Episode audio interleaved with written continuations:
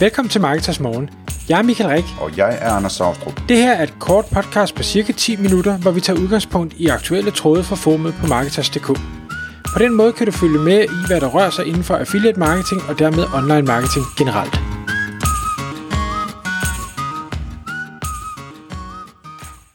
Godmorgen Michael. Godmorgen Anders.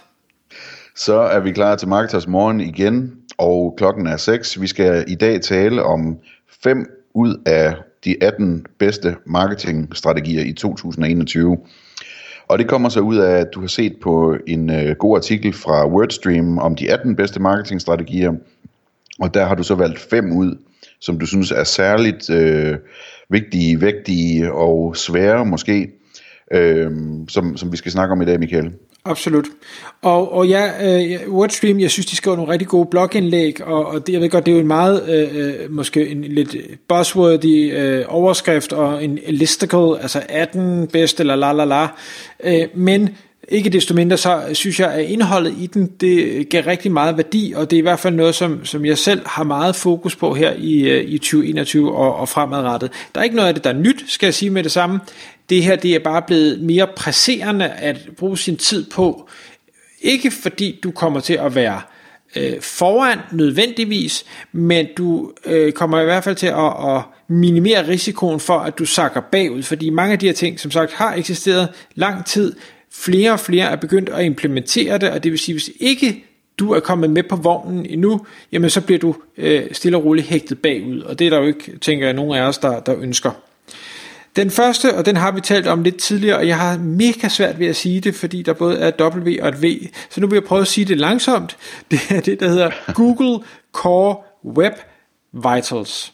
Der var den. Yes, det er også meget langsomt. Men det handler både om, om den her nye måde, som Google fra maj 21 øh, vil begynde at, at anskue og vurdere hjemmesider øh, på, og jeg synes, hvis ikke man har, har undersøgt, hvad det er endnu, så, så prøv at læse op på det, fordi det er en, en anden måde, som øh,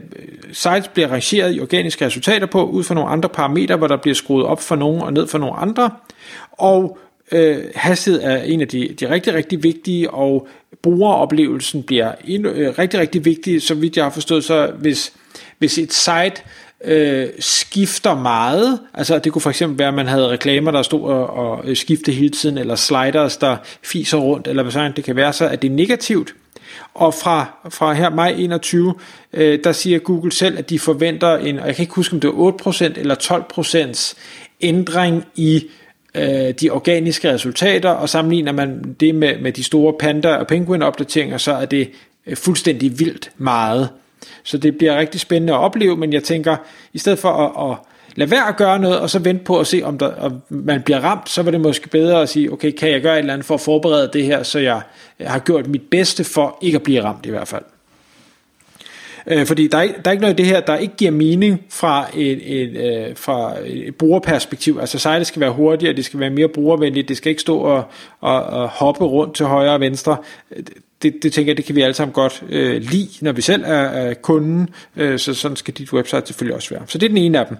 Nummer to, det er, og det er jeg sikker på, hvis man øh, hører andre podcasts, ser webinarer, følger med på sociale medier, man har set, der er rigtig mange, der er ude omkring nu, det er øh, det her iOS 14 problematik, tracking problematik, vi har ITP, som vi har snakket om masser af gange, altså det her med, at øh, Apple som, som forgangsfirma, øh, forgangsbrowser, øh, begynder at beskytte, øh, eller i hvert fald det kalder de det, beskytte brugerne mod, øh, at vi som marketingfolk tracker dem, øh, og det gør, at vi får det rigtig, rigtig svært, fordi vi ved ikke længere, virker tingene. Vi kan ikke længere målrette på samme måde, fordi cookies bliver fjernet, øh, og så videre, så videre. Så det er, er tosset vigtigt for alle, der laver nogen form for online marketing, at man sætter sig ind i, og i hvert fald minimerer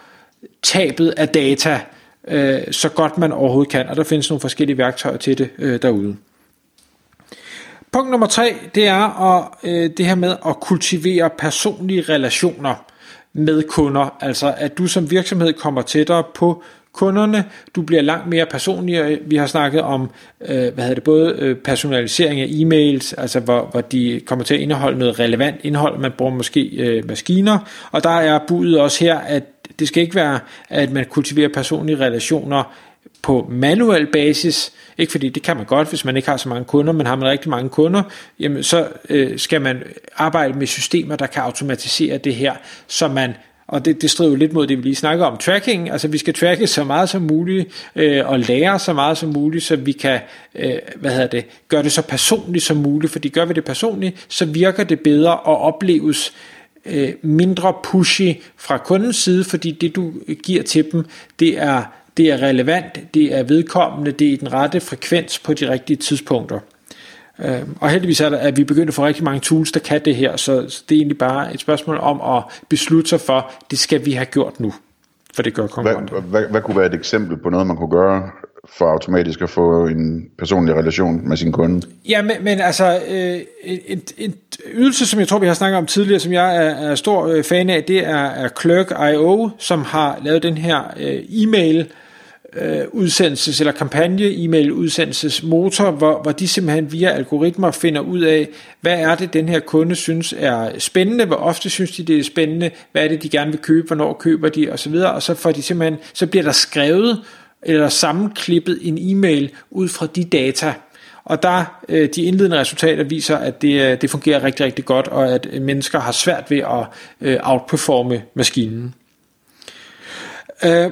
punkt nummer 4, det er så øh, customer retention, altså vi skal fastholde vores kunder, og det kan man jo gøre på rigtig mange måder. De fleste ved jo sikkert godt, at en ny kunde er dyrere end og øh, en gammel kunde, for den gamle kunde har smidt paraderne allerede, de har øh, kørt kortet igennem, de stoler på dig, de ved, at varerne kommer, de har forhåbentlig oplevet, at man har god service, gode varer, øh, hvad hedder det, gode produkter osv.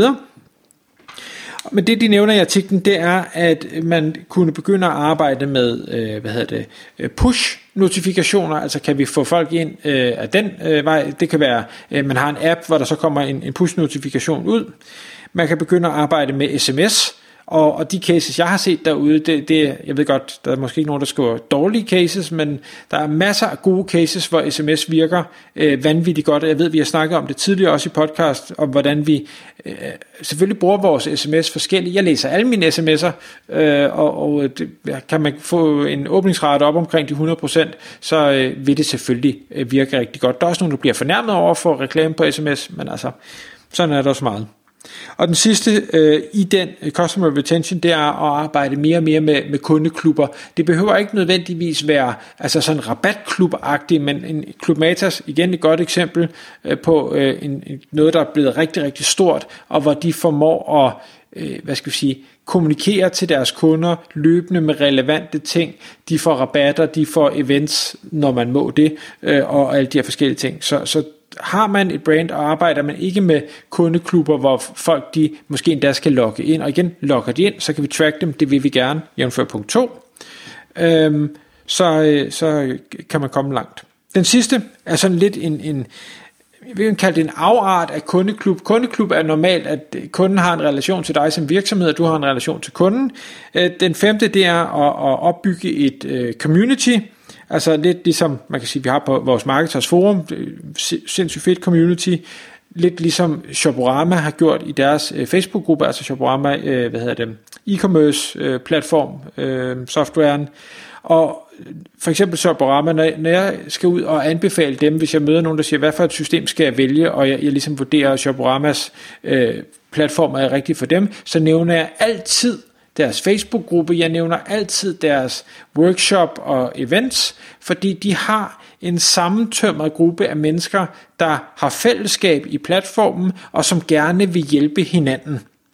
Og, og Shoporama segment er